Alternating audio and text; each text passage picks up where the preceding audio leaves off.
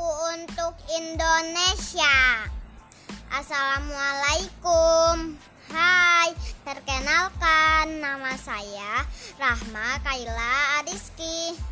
Saya kelas 1A di SD 09 Grogol Selatan.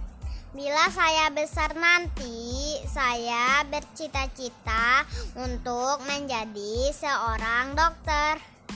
Saya ingin membantu mengobati orang-orang yang sedang sakit sampai sembuh kembali.